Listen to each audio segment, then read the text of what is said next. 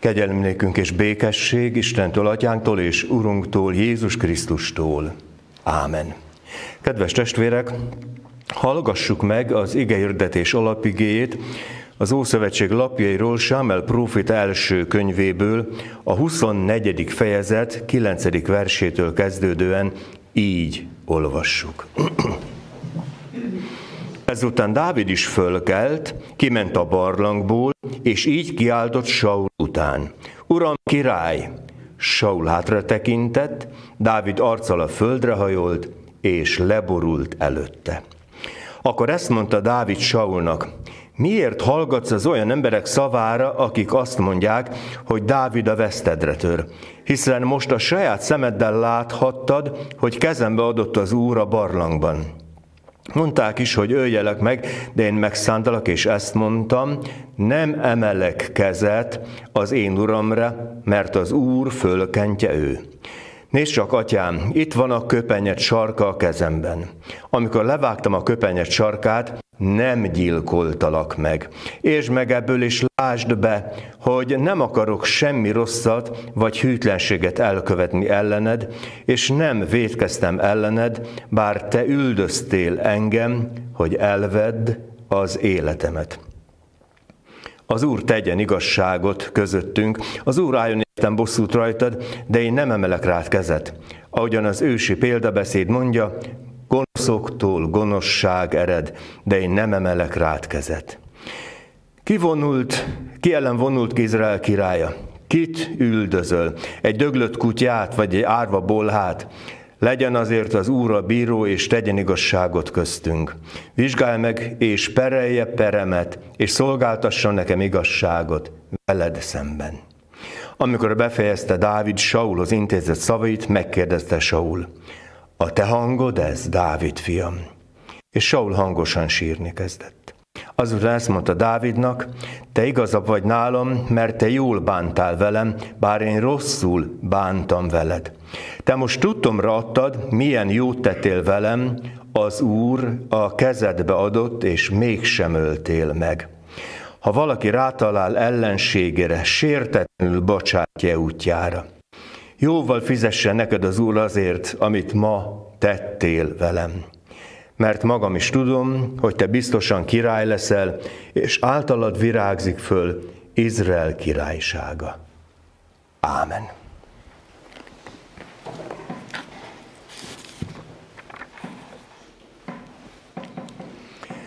Kedves testvérek, ez a mai történetünk ami egy nagy egészből kiragadott epizód, ha szabad így mondani, annyira tele van emberi érzelmekkel, értékekkel, értéktelenséggel, érdekekkel és minden egyébel, hogy igazából ez filmvászonra kívánkozik. Szóval, hogyha valaki egy izgalmas krimit akarna nézni, hát nyugodtan Samuel Proféta könyve nagyon jó alapon, alapanyagot szolgáltatna ez a forgatókönyvhez. Megpróbálom nagyon gyorsan, röviden vázolni, hogy miről is van szó. Van Izrael első királya, Saul.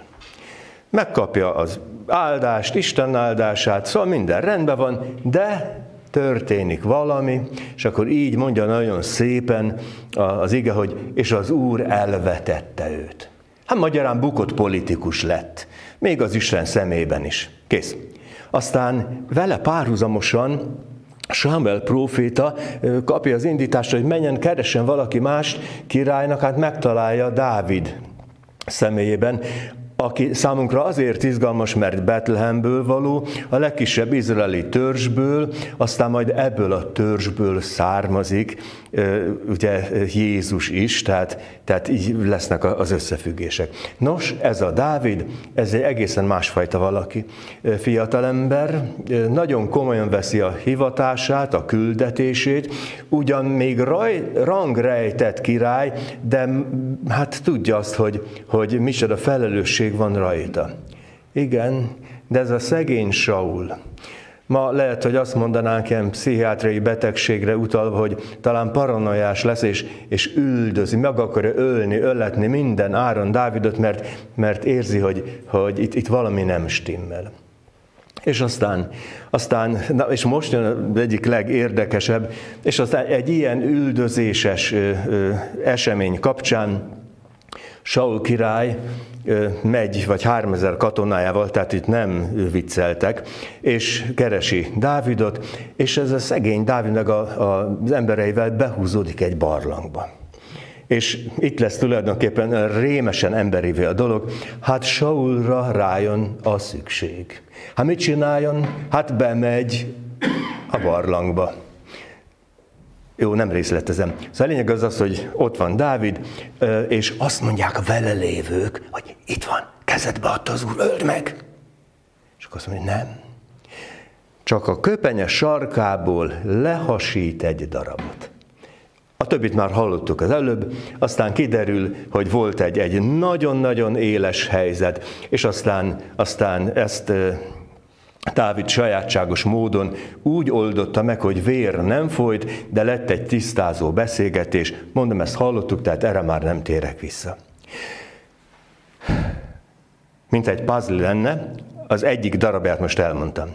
A puzzle másik darabja, ez a mi mai, mostani állapotunk, csöndesen kérdezem, van-e haragusunk? Van-e valaki, csak gondolj, volt-e, volt-e, van-e, volt-e, van-e valaki, akire úgy tekintünk, hogy, hogy szikrázó haraggal, hogy, hogy el tudtuk volna emészteni. Most idézet következik, nem egészen fenköl stílusban, de hogy jól értsük. Volt már olyan, hogy azt mondtuk, gondoltuk, dögölj meg. És a többi, és a többi. Ezt most ne részletezem. Ismerjük ezt az érzést? Ez az, ami nem egyszerűen csak, hogy fölment a pumpa, nem egyszerűen csak arról van, hogy hogy bepipultam, hanem arról van szó, hogy, hogy itt, itt akkora töménységben jön a harag, hogy ez már maga a gyűlölet. És, és aztán persze, mi történik ilyenkor? Kinek van igaza? Nyilván annak van igaza, aki haragszik, gondoljuk. Mert kinek van igaza? Hát engem bosszantott föl, engem csalt meg, engem lopott meg, engem vert át. Szóval kinek van, nekem van igazam? Hát nem is kérdés, hogy kinek legyen igaza. Igen, és aztán ebből mi következik?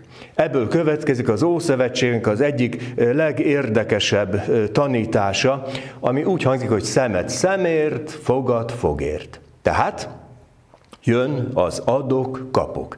És nagyon jól tudjuk, hogy az ilyen adok-kapok dolgok, azok a lehető legritkábban vezetnek jóra.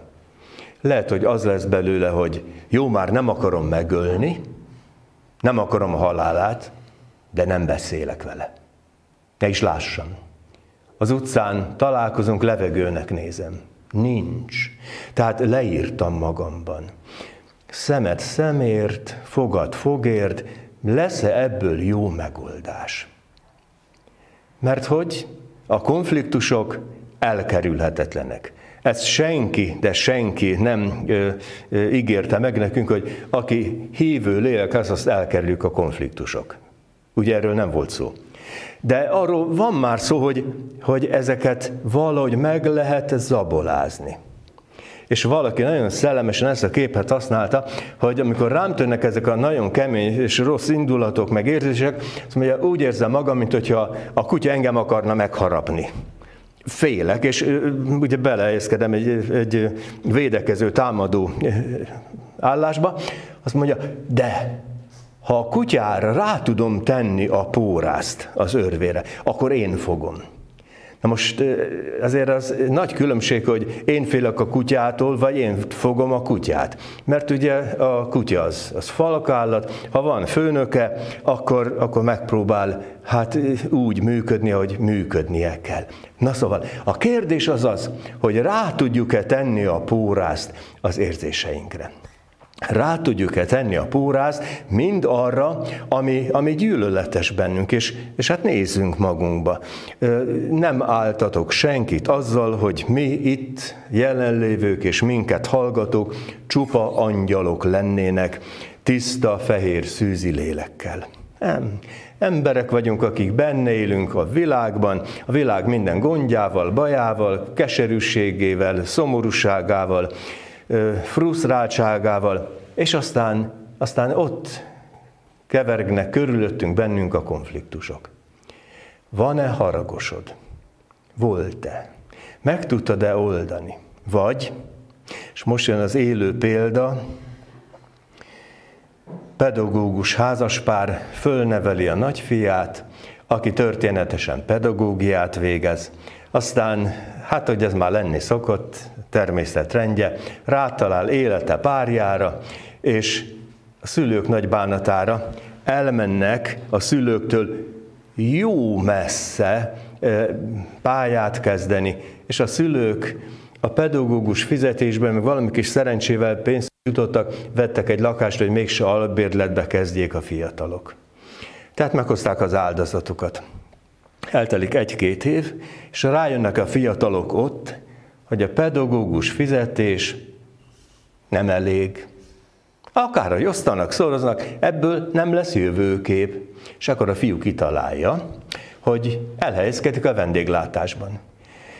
És otthon elmondják a szülőknek, hát el lehet képzelni pedagógus szülők, akik megélik a pedagógus fiúknak a, a kudarcát, hát ebből lesz egy csinos konfliktus, mert hogy még ráadásul a szülők egyik ottani kiadott lakásába fészkelik be magukat, tehát hogy, hogy nem egyszerű a képlet.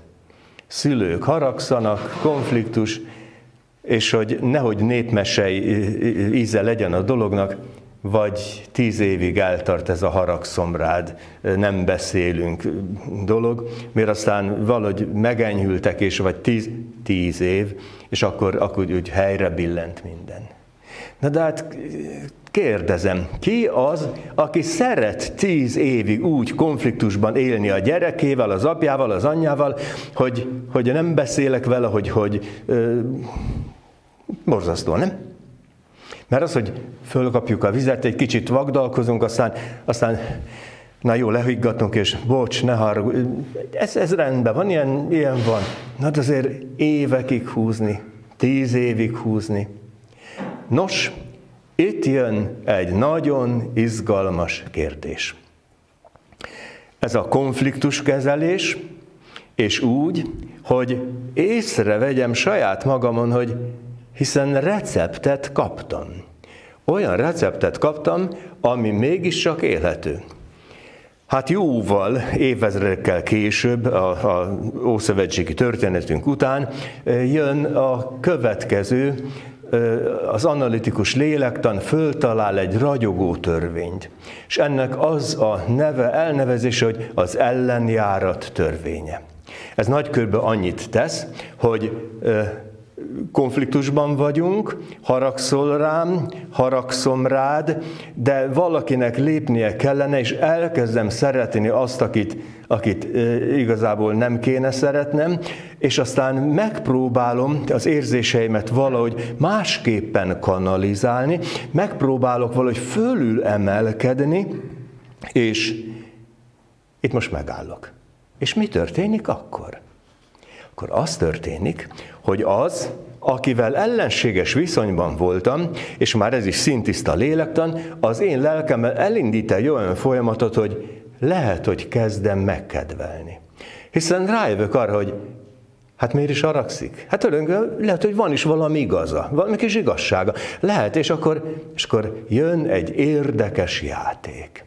És az az érdekes játék, innentől kezdve azt mondom, ez a szintiszta evangélium. Sámuel próféta könyve, vastagon Ószövetség, és itt van benne az evangélium. És mi a jó hír? Az, hogy nem szemet szemért, nem fogad fogért, hanem egy új metódus születik. És mi történik? Annyira profán a történet. Ez a vérszomtól lihegő király, aki üldözi ugye a, a, a fiatal királyt, bemegy a barlangba, szükségét végezni, hát szóval, és aztán, aztán ahelyett, hogy, hogy ez a mi főszereplőnk egy döféssel leszúrná, csak a köpenye sarkát vágja le. És, és az az érdekes, hogy megszólal a normális emberi hang is. A vele lévő fiatalok, katonái ezt meg, öld meg! Hát így kell csinálni, nem? Az úra, és még vallásos kör, körítést is adnak hozzá, az úra kezedbe adta. Hát mit akarsz még? Itt van. Tehát akkor hajrá! És nem teszi meg.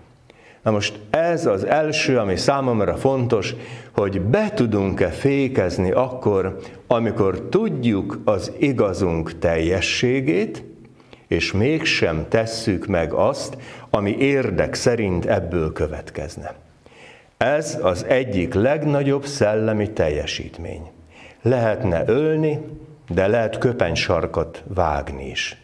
A kettő között azért lássuk be, hogy hallatlan nagy különbség van. És amikor megtörténik ez, a, ez az eset, akkor, akkor Dávid utána szalad Saulnak, leborul előtte, atyámnak szólítja, és aztán te vagy Dávid fia, mint egy atya-fiú, apa-fiú kapcsolat ö, modelleződik le, és aztán aztán elmondja, Dávid, egy közmondás szerű dolog ez, hogy, hogy gonosztól származhat-e jó, vagy gonosztól gonosz származik, és, és akkor döbben rá Saul, hogy hát valóban, őt ott megölhették volna. És a kor szokása szerint tulajdonképpen azt kellett volna tenni. Nem teszi. Miért nem teszi? Azért, mert először is van egy generációs tisztelet. Mert hogy ő is fölkent király.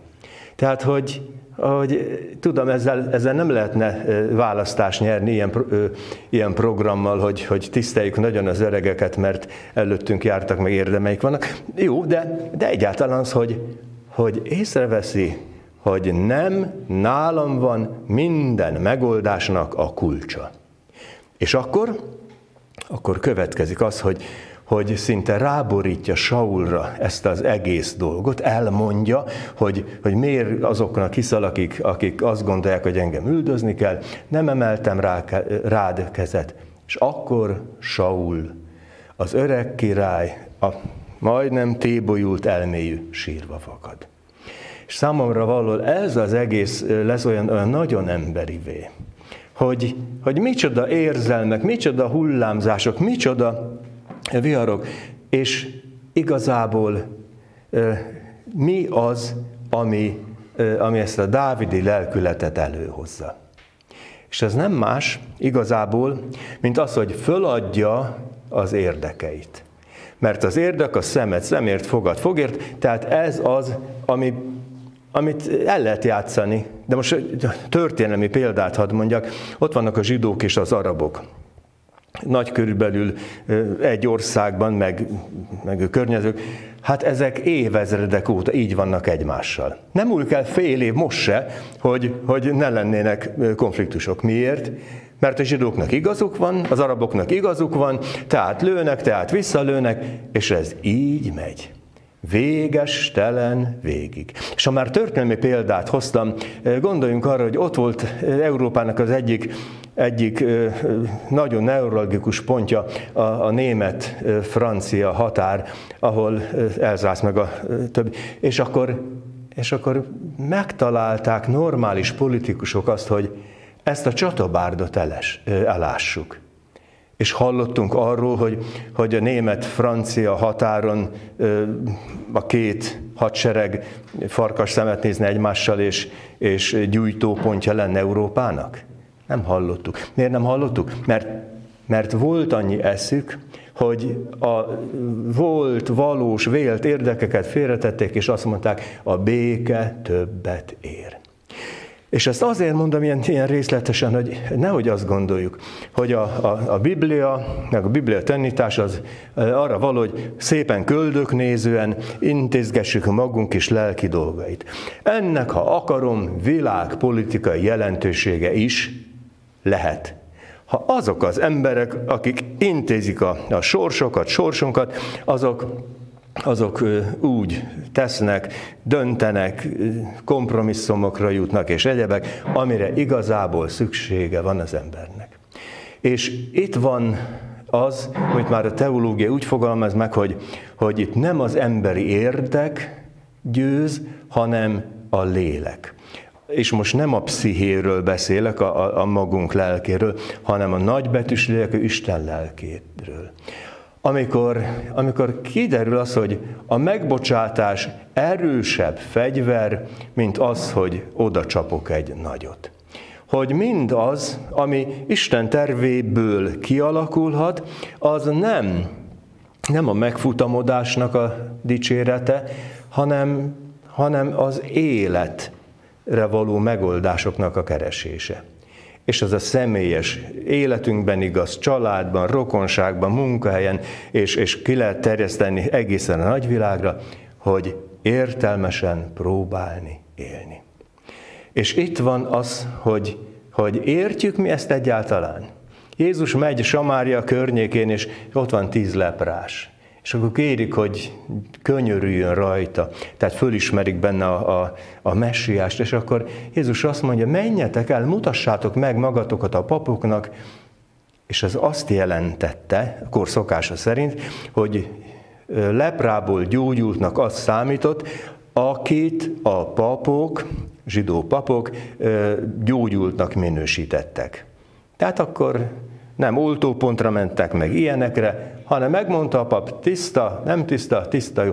És aztán kiderül, mind a tizen menet közben megtisztulnak, és egyetlen egy van, aki visszamegy Jézushoz. És ki ez? Egy ellenséges ember, samáriai, ezekről már sokszor beszéltem, tehát egy nem közülünk való.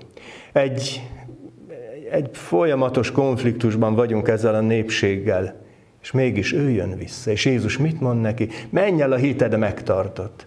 És ott van tíz hason, kilenc hasonszőrű, hát nekik Jézus nem mond semmit, mert nem tud mondani, mert nincsenek ott. Nos, amikor megértjük azt, hogy, hogy ott, ahol nagyobb erők dolgoznak, mint az érdek, lélek erői, ott csodák történhetnek.